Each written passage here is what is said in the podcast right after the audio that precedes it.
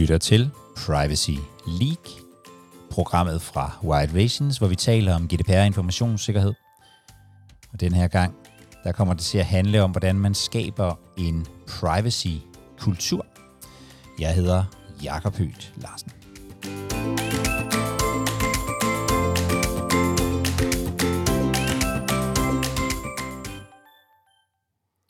Og det du skal lytte til nu, det er en optagelse af en masterclass, en serie på fire masterclasses, og det her, det er nummer to.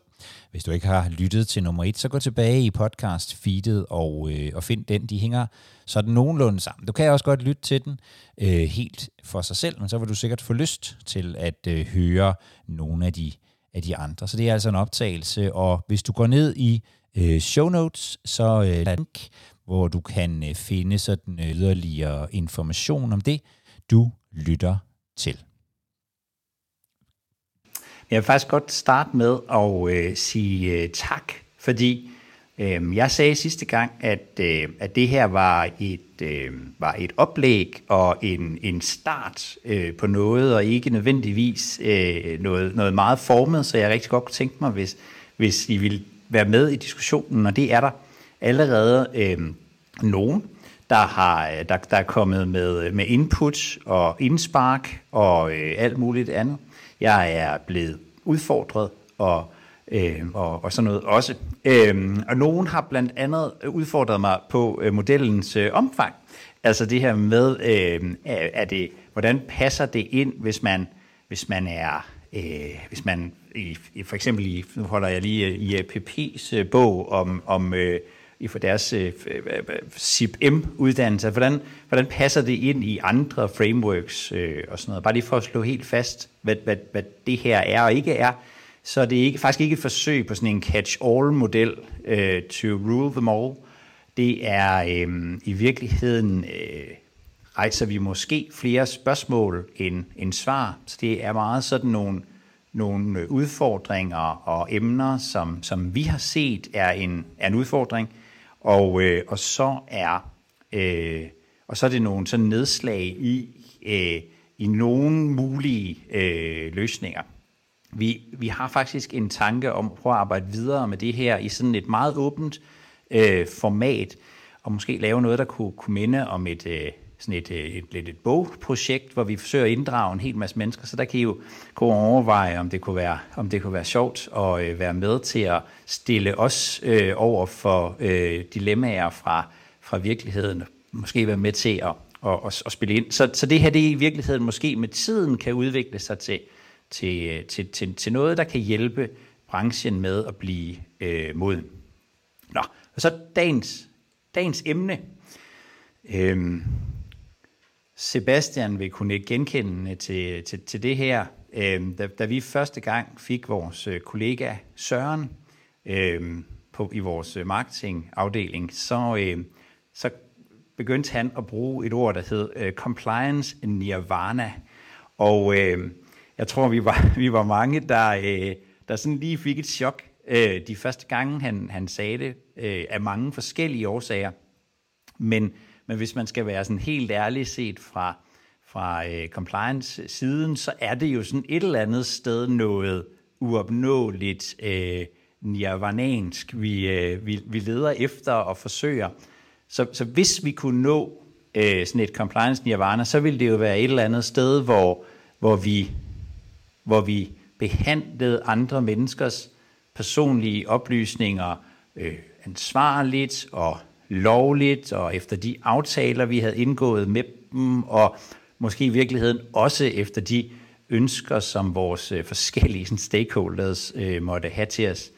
Og ligegyldigt om det er en fuldstændig uopnåelig ideal tilstand, eller om det faktisk ville kunne lade sig gøre at nå den, så er der i hvert fald en ting, jeg tænker er ret sikkert, og det er, skulle vi ramme sådan et compliance nirvana på et eller andet tidspunkt, så går der næppe ret mange øh, minutter, timer eller dage, før vi vil blive, det hele vil blive bragt i uorden igen. Der vil komme chok til, øh, til systemet. Øh, der vil komme øh, ny lovgivning, eller de vil indføre et nyt system nede i en eller anden afdeling. Et eller andet vil i hvert fald skabe uro øh, i vores, øh, i vores øh, compliance nirvana øh, tilstand. Og når jeg taler med, øh, med GDPR-folket, så er der ligesom to ting, der går igen, som også handler om det her, nemlig for det første, der sker afsindigt meget på, øh, på det her område, på vores øh, øh, ja, lovgivning, nye afgørelser, skal jeg forholde mig til afgørelser fra det belgiske datatilsyn, øh, hvad, med, øh, hvad med lovgivningen i USA, hvis jeg, hvis jeg arbejder der. Der er utrolig meget, der sker utrolig meget øh, hele tiden, og så kommer vi ofte for sent ind i processer omkring øh, nye systemer, nye måder at gøre tingene på og sådan noget. Jeg tror rigtig mange af jer, i hvert fald mig selv, kan ikke genkende til det der med sådan hele tiden at føle sig lidt på, på hælene. Øhm, og det er derfor, at jeg har sådan er blevet opmærksom på det her med, at vi har sådan en fase, hvor vi skal kunne opfange øh, signaler. Jeg kalder det så capture-fasen. Øh, Målet med den fase, det er at sikre, at vi i GDPR bliver opmærksomme på de ting, som vi skal indarbejde i vores compliance-arbejde. De øh, chok til vores øh, compliance nirvana, som, øh, som kommer. Vi skal opdage ny lovgivning, nye afgørelser, nye systemer, nye måder at gøre tingene på i organisationen øh, og nye øh, risiko. Og det kan jo i virkeligheden, den, det der med at løse, det er det, jeg siger, at i virkeligheden så peger vi måske mere på udfordringer og problemer, end vi kommer med, med store matforkrummede løsninger øh, her. Men, men det kan jo handle om, om rigtig mange øh, ting i virkeligheden. Den her, det her med at opfange og op, op, og fange de her forskellige øh, øh, signaler.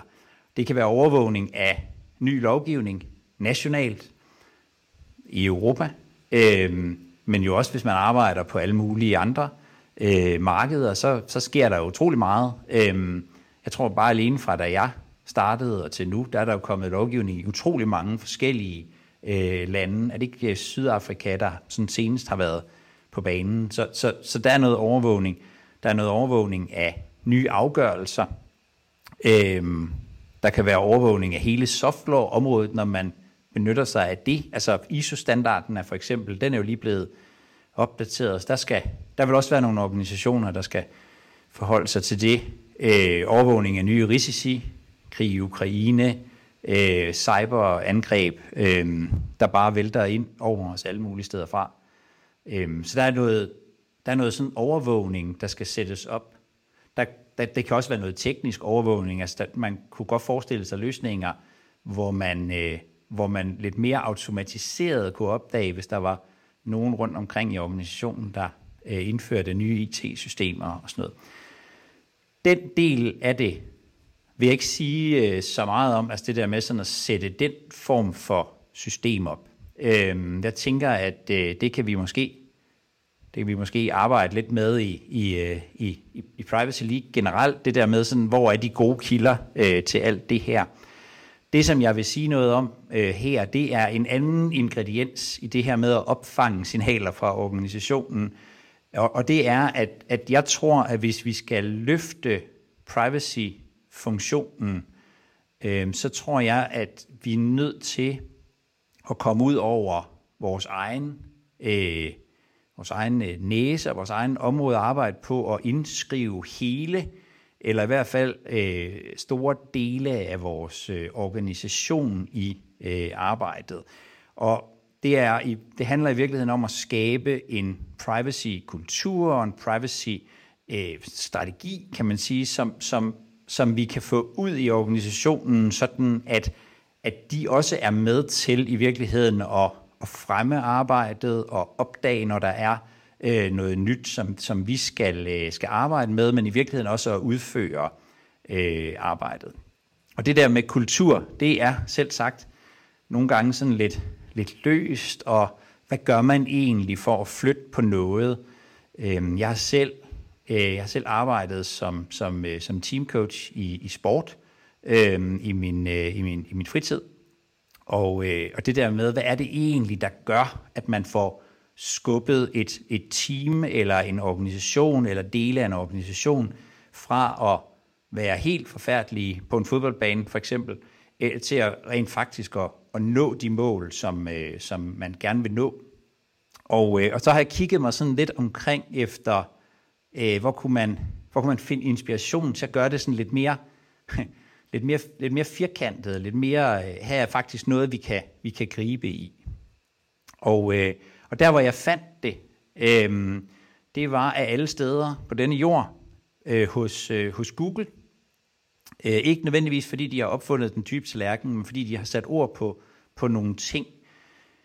De stod nemlig på et tidspunkt over for, at de godt kunne tænke sig at vide præcis, hvad de skulle gøre for at få deres forskellige afdelinger og teams og sådan noget til at arbejde effektivt med de opgaver, de gav dem. Og som alle andre, der starter på sådan noget, så gik øh, Google ud fra, at hvis de ansatte de dygtigste mennesker fra de bedste universiteter med de højeste gennemsnit og sat dem sammen, så ville det nok være godt. Det kunne de bare se, at sådan var det ikke nødvendigvis. Og så i gang satte Google for nogle år siden et projekt, jeg mener det hedder Archimedes, eller hedder Archimedes øh, projektet, øh, hvor de øh, i bedste øh, Google-stil, det er derfor vi elsker at have dem, øh, samlede en uhyggelig masse oplysninger, 250 forskellige ting undersøgt. De for at se, om det hang sammen med øh, performance i de forskellige teams og afdelinger og, og, øh, og sådan noget.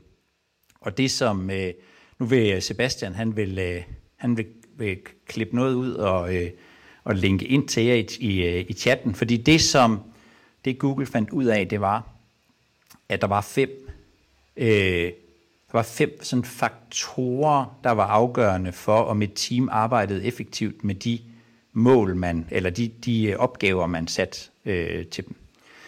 Det første og allervigtigste, det var psykologisk sikkerhed, øh, eller psykologisk øh, tryghed. Og det kommer jeg lidt tilbage til, hvad det egentlig er for en størrelse. Øh, jeg har vist ovenikøbet en, en ekspert med i dag, øh, så kan jeg få lidt øh, præstationsangst på den front.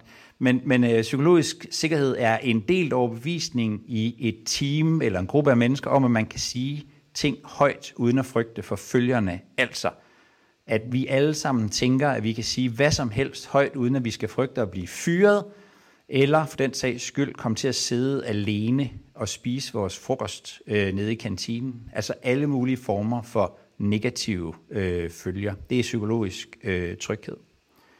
Noget andet, som gjorde sig gældende i de, i, der, hvor man klarede det godt, det var pålidelighed.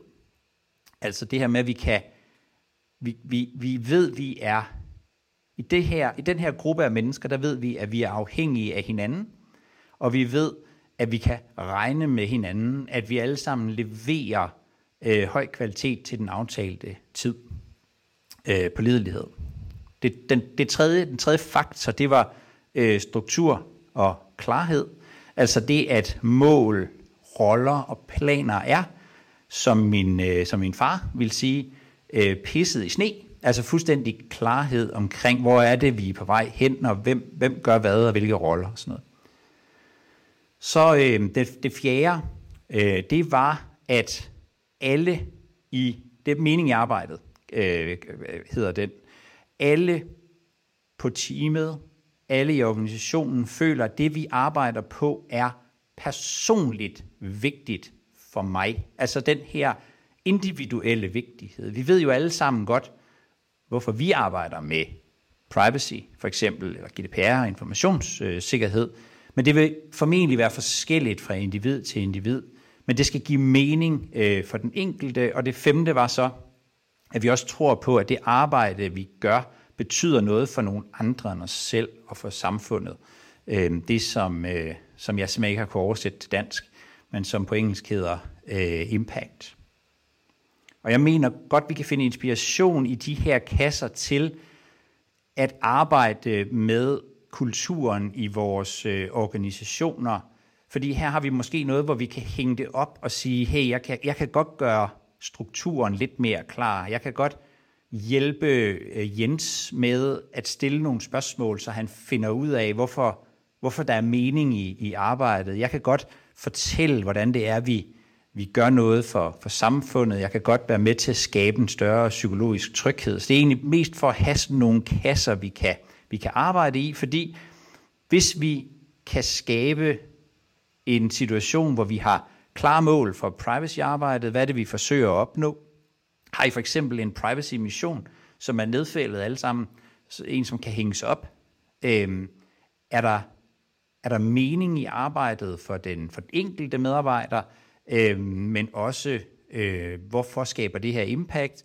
Er der klarhed om, at vi faktisk er afhængige af hinanden for at løse opgaven, og at vi alle sammen stoler på, at de andre gør det, de skal? Og så et miljø, hvor, øh, hvor alle tager åben munden, når de begår fejl, eller ser fejl, eller har forslag, øh, så, så tror jeg, at vi er kommet rigtig langt.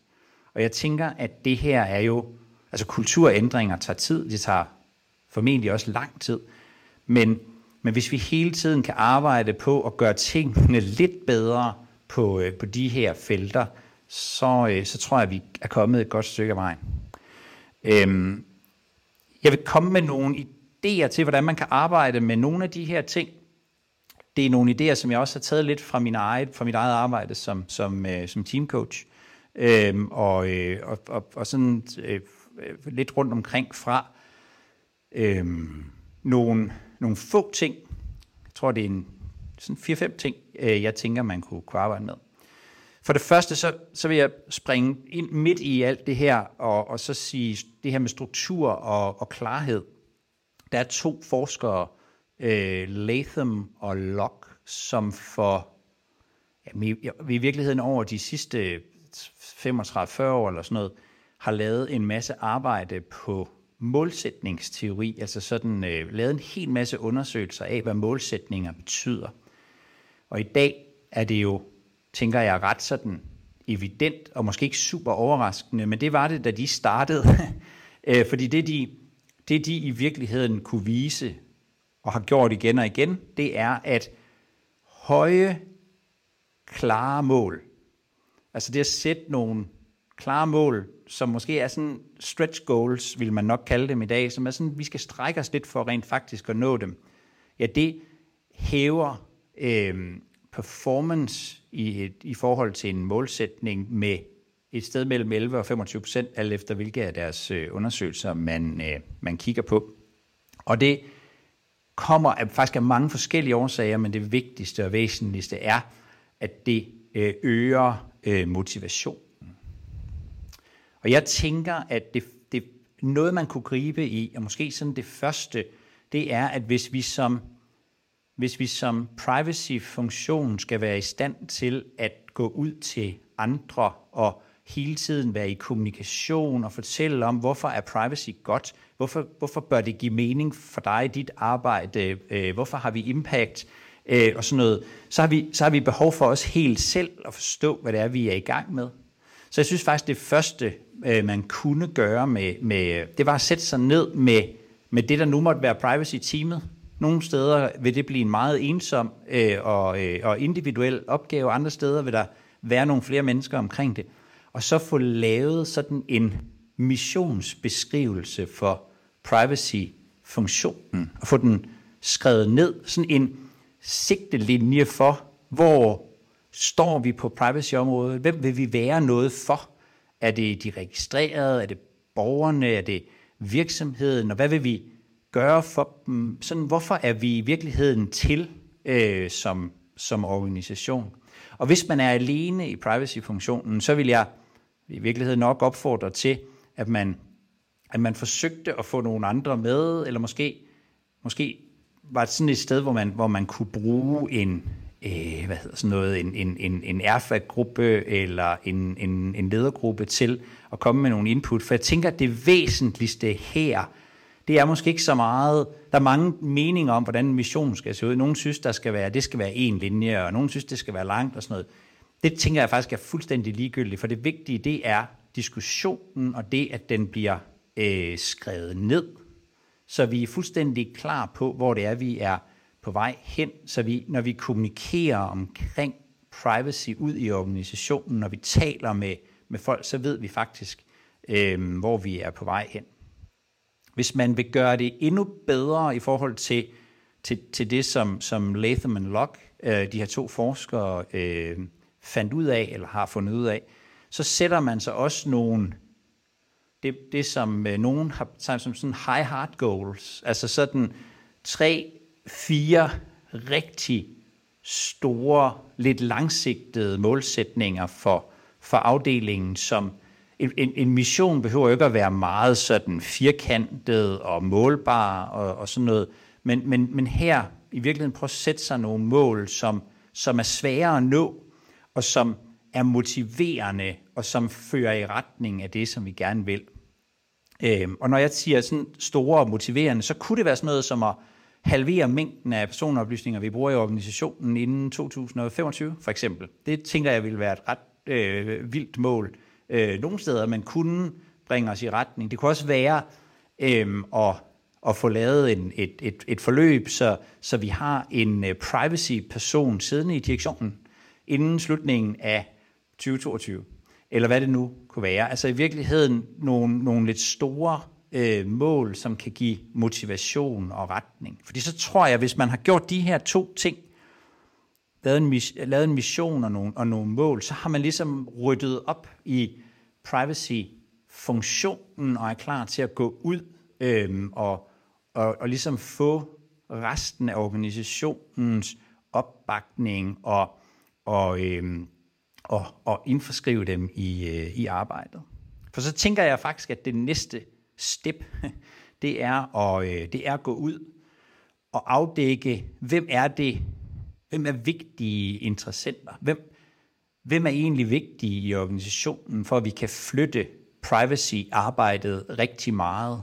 Og det vil jo være forskelligt fra organisation til organisation. Jeg tænker, at i en kommune, der kan det være socialforvaltningen, fordi de gør virkelig nogle ting, som altså, behandler nogle personoplysninger, og det er nogle, nogle ret øh, øh, indgribende beslutninger, man træffer dernede øh, på, på, på folks vegne, eller oppe, alt efter hvor socialforvaltningen nu sidder, i en... Øh, i andre organisationer kan det være marketing, fordi det måske er der, man som organisation er lidt øh, datamisbrugende, om man så må sige. Men i virkeligheden vælge, vælge sådan de vigtigste interessenter ud, og så lave et forløb, hvor man sammen med dem hver især gør øh, tre ting. Jeg tror, det er tre ting.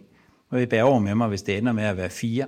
Men det ene er, at man får skabt en fælles målsætning med, det, altså for eksempel marketingafdelingen. At man interesserer sig for, hvad er egentlig det store, hvad er målene i marketingafdelingen, og får fortalt dem, hvad er målene i, i, i privacy, og kunne vi på en eller anden måde have en fælles målsætning for det her. Jeg kommer lidt tilbage til, hvordan sådan en kan se ud, men, men fordi hvis vi skal have engagement i privacy-arbejdet, så skal det også være vigtigt for de andre. Så skal det ikke kun være vigtigt for os, så skal det også være vigtigt for de andre. Derfor skal vi på en eller anden måde mødes i, i fælles øh, målsætninger. Og så tage en diskussion om, hvilken altså rollefordelingen, øh, i virkeligheden have en snak med dem om, hvilken rolle kan I spille i vores arbejde, og hvilken rolle kan vi spille i, i jeres øh, arbejde. Hvordan skal, vi, hvordan skal vi arbejde sammen? Få taget den øh, diskussion, som vi også så, øh, dengang vi, vi snakkede om, øh, om de her fem punkter for effektive teams, også var vigtigt, nemlig at have rollerne øh, på plads. Og få det virkelig diskuteret igen. Og så, øh, og så er det ekstremt vigtigt at stille et helt specifikt øh, spørgsmål til, øh, til, til dem, man arbejder med her, nemlig, hvad giver det dig? Altså, hvad giver det dig at nå de her målsætninger? Øh, hvad, hvad giver det dig at lave det her arbejde? Fordi det er jo det her med, om det er personligt vigtigt for mig. Øhm, og hvis svaret er, det giver ikke mig noget, så er det fordi, den fælles målsætning ikke er en fælles målsætning. Så er det fordi, der ikke er købt ind på den. Så det her spørgsmål må man gerne stille øh, 500 gange, i, eller i hvert fald 20 gange, 25 gange i, i det her forløb. Hvad er det, det giver dig at nå det her? Igen, så tror jeg, at det, der er vigtigt, det er ikke nødvendigvis, hvad man sådan specifikt kommer frem til, men diskussionen, som i virkeligheden kan være med til at tegne en retning for hele organisationen i forhold til, at privacy er også vigtigt for marketing og HR og socialforvaltningen og, og øh, skolerne, eller hvad det nu er, man er, øh, man er med i. Også fordi, at det her arbejde, det vil også spille over i, øh, i nogle af de andre øh, i nogle af de andre ting, som, som vi har diskuteret, altså det her med øh, pålidelighed, for eksempel, for at tage et, et, et konkret eksempel, jamen der har vi jo en, altså der vil vi jo nu have en situation, hvor man faktisk har diskuteret, hvordan er det, vi er, øh, hvordan er det, vi er afhængige af hinanden. Så nu kan vi i virkeligheden begynde at altså, se den her afhængighed. For jeg tror faktisk, at rigtig mange af vores interessenter i mange sammenhænge ikke rigtig kan se, hvordan deres arbejde nødvendigvis er afhængigt af vores, øh, som, som privacy-folk. Det giver også mening i arbejdet, fordi vi har, vi har diskuteret med de her, de her vigtige interessenter, vi har diskuteret, hvad, hvad det er for nogle roller, og, øh, og, og, og det her spørgsmål, øh, hvad er det, der er i det for, for dig? Hvorfor er det her faktisk øh, vigtigt øh, for dig?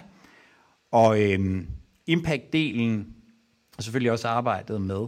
Øhm, og, og jeg kunne faktisk godt tænke mig lige at høre, ja, øh, og I kan bare skrive det i, i, i chatten, men brug lige to minutter på at tænke på det der spørgsmål for jer selv. Hvad giver det egentlig dig hver morgen at stå op og arbejde med privacy? Jeg holder lige mund i øh, 60 sekunder, mens I får lejlighed til at, øh, at skrive det i, øh, i chatten, så kan I alle sammen, så kan I alle sammen se det. Og I er velkomne til at, og, og, og, og, han har sagt, skrive videre. Jeg kan ikke lige se chatten, så øh, den, den, har, den har Sebastian forhåbentlig styr på. Øhm, men hvis ikke, I har, øh, hvis ikke I har skrevet noget, så har I i hvert fald fået en lejlighed til at tænke over, hvad det er, det giver dig at arbejde med, med privacy. Og I kan måske se, at nogle af de andre har andre grunde til det. Og det er vel i virkeligheden det vigtige her, at prøve at hjælpe øh, med at, øh, at finde det. Så med andre ord, så tror jeg faktisk, man kommer rigtig langt med med fem træk, som, som du, Sebastian, godt må smide i, i chatten. En, øh, en mission på privacy, som indeholder, hvorfor privacy-arbejdet er godt for den registrerede, og for virksomheden og for samfundet. Nogle store mål for, for, øh, for privacy-arbejdet. Fælles målsætninger med nøglespillerne, det kunne være marketing, HR og socialforvaltningen, som kan flytte privacy-arbejdet. En værdiafklaring, altså det her med, hvad er det, det giver dig også husk at stille det til de andre. Øhm, og så samtaler om roller og forventninger med de her øhm, spillere. Og sådan en, en værdiafklaring med, med marketing, jeg, jeg, jeg har bare lige prøvet at lave den. Øh, den, kan, den kan Sebastian også øh, øh, øh, smide ind i, i chatten. Det, det kunne være, at et fælles mål for marketing og GDPR, nu tænker jeg frit, Næste år vil vi arbejde på at fjerne mindst øh, 33% af de øh, personoplysninger, vi registrerer på vores kunder, samtidig med at vi øger øh, mere salget med 10% Hvad giver det GDPR? Jamen, vi kommer tættere på vores målsætning om at reducere øh, persondatamængden. Det er så åbenbart en målsætning i den her organisation, og, det vil, og det vil være en stor sejr. En, vi faktisk vil fejre og fortælle omverdenen om, hvis vi kan komme i land med det her. Hvad giver det marketing? Jamen, vi får et bedre overblik over, hvad der faktisk virker i marketing, fordi vi får testet, hvad vi kan undvære. Faktisk tror jeg, at mange marketingfunktioner har det sådan, at de øh, indsamler utrolig mange informationer, som de faktisk ikke rigtig ved, hvad de skal bruge til. Øh, og, øh, og måske føles det godt at kunne sige til kunderne, at vi samler så få oplysninger som overhovedet muligt sammen om dig. Øhm, så kan der være noget med roller og forventninger, at holde møde hver anden uge, og skaber hver gang en test. Det kan de nemlig godt lide i marketing. Øh, som marketing kan, kan gennemføre øh, på at fjerne noget, noget data og sådan noget. GDPR sørger for i praksis at arbejde med sletning af oplysninger. Det kunne have været, det kunne være sådan et, et lille udkomme af noget, som, øh, som, som, kunne have, som kunne have fundet sted ved, at vi, at vi havde nogle, nogle, rigtig gode, øh, nogle rigtig gode samtaler. Og det ville betyde, at marketing lige pludselig var blevet mere opmærksom på, hvornår øh, personoplysninger øh, og GDPR bliver relevant, og, og, øh, og måske netop komme tilbage. Jeg vil også tro, det vil have virkning på, på, på databrud, både dem, der sker, men også at vi rent faktisk får registreret dem, der sker. Øhm, når der kommer nye systemer, vil man lige pludselig være opmærksom. Jeg, jeg tror, det er en vigtig øh, kulturændring. Men det var i virkeligheden kun de fire af dem, for så kommer vi til det her med det sidste element omkring øh, psykologisk tryghed. For jeg tror, vi bare må indse som øh, privacy-folk, at det folk skal sige til os, er nogle gange lidt kilden. Altså, hvis jeg kommer til at begå en dumhed med, med noget databrud, jamen så er det jo ikke rart at skulle, øh, at skulle sige. Øh, hvis jeg ser øh, min kollega begå en fejl, så er det måske næsten endnu værre. Så, så, så den her psykologiske tryghed er enormt vigtig at skabe. Og øh, begrebet er, øh, er opfundet, opfundet af en øh, forsker fra Harvard, der hedder Amy Edmondson, og hun har skrevet nogle bøger, som er altså virkelig interessante at blive, øh, at blive klog af. Øhm, så, øh, så søg hende ud. Hun har faktisk også et, øh, et lille kursus på LinkedIn, som er helt gratis, som, som, man, kan, som man kan tage. Øhm, hun definerer psykologisk tryghed sådan her, at det er en delt overbevisning om, at det er sikkert at tage interpersonelle risici, og så ved man, at hun er psykolog. Ikke? Øhm, men det betyder egentlig bare, at alle medlemmer af det her team, eller den her organisation eller afdeling, mener ikke, at det er farligt at sige noget som helst højt. Hverken om fejl, jeg selv har begået, fejl, jeg ser andre er ved at begå, eller mærkelige forslag, jeg måtte have til øh, forbedringer. Og her kunne man måske overveje, hvad vil det, hvor, hvor vil det gavne dit arbejde derude, hvis der var psykologisk, fuldstændig psykologisk tryghed i din organisation? Det tror jeg at det kunne være et vigtigt spørgsmål at øh, stille sig selv.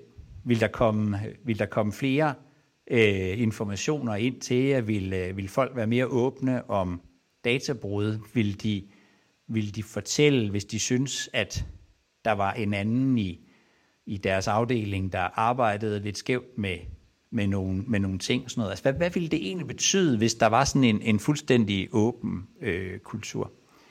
Øhm, det her er netop kultur, og kultur er altid svært at flytte.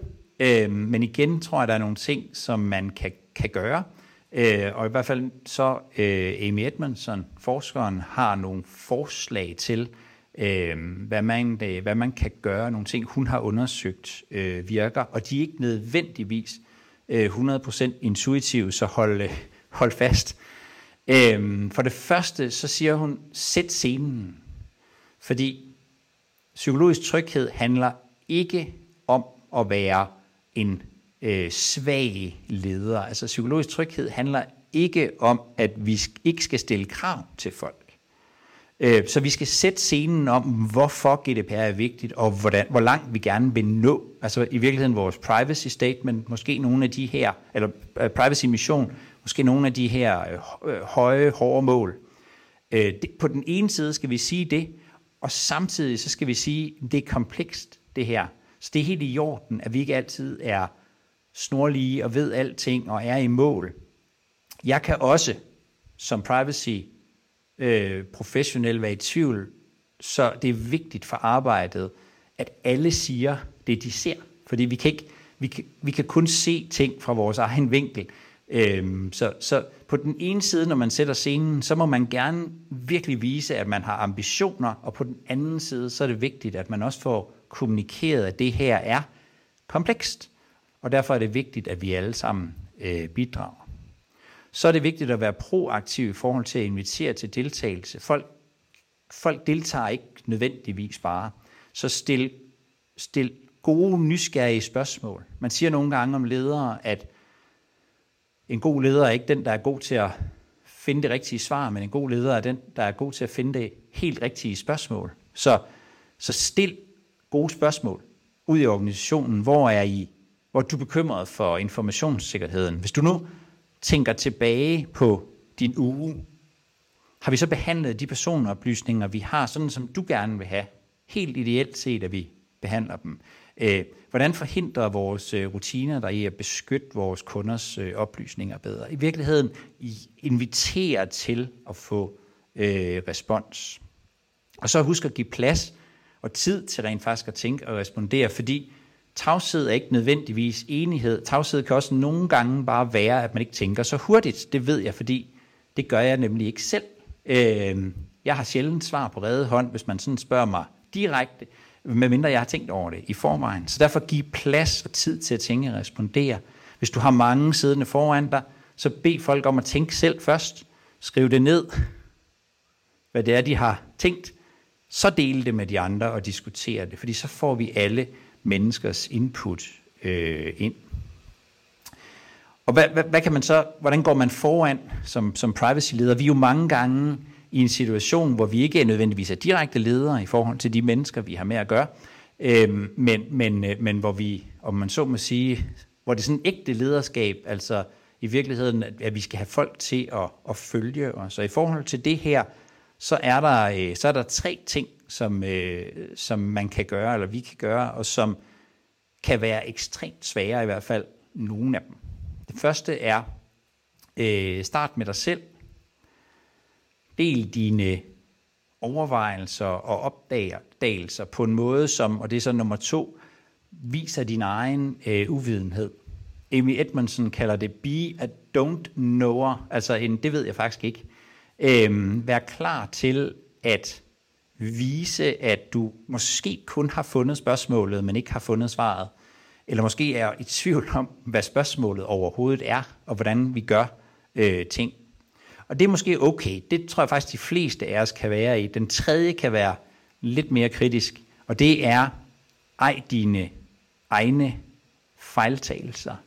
Hvornår har du sidst delt en, sådan en ægte fejl med din organisation? Men hvis vi, hvis vi viser, at det er i orden ikke at vide alt, og vi viser, at det er i orden at begå fejl, så er vi jo på privacy-området, øh, også der arbejder med det, nogle af dem, som folk faktisk ser op til øh, her. Så, så, så, så der er det vigtigt at få det her øh, ind. Som, som helt som afslutning her, så, øh, så vil jeg virkelig bare sige, at jeg synes, man kan tage udgangspunkt i de her fem øh, faktorer, som, øh, som Google fandt frem til, når man skal arbejde med en, en privacy-kultur i sin, i sin virksomhed. Så prøv at kigge på, eller organisation, og så kig på, kan jeg, kan jeg styrke noget af det her?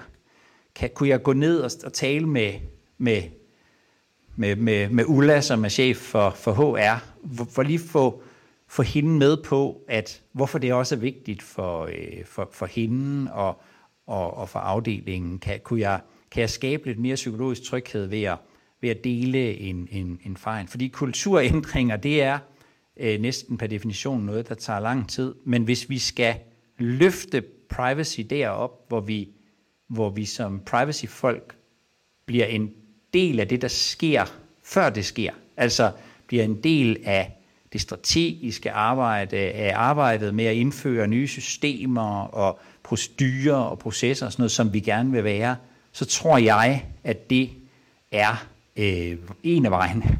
Det er at få højnet øh, kulturen og få hele organisationen til at arbejde i én retning. Du har lyttet til Privacy League programmet fra Wired Relations, hvor vi taler om GDPR og informationssikkerhed. Og det, det var som sagt en optagelse af nummer to i en serie af fire masterclasses, som alle sammen kommer til at ligge her i podcast-kanalen. Og hvis du gerne vil være med til den slags, og ikke vil gå glip af det, jamen øh, så er det en god idé at tilmelde dig vores Privacy League-netværk, øh, og det gør du på wiredrelations.com-pl. Vi ses forhåbentlig derude.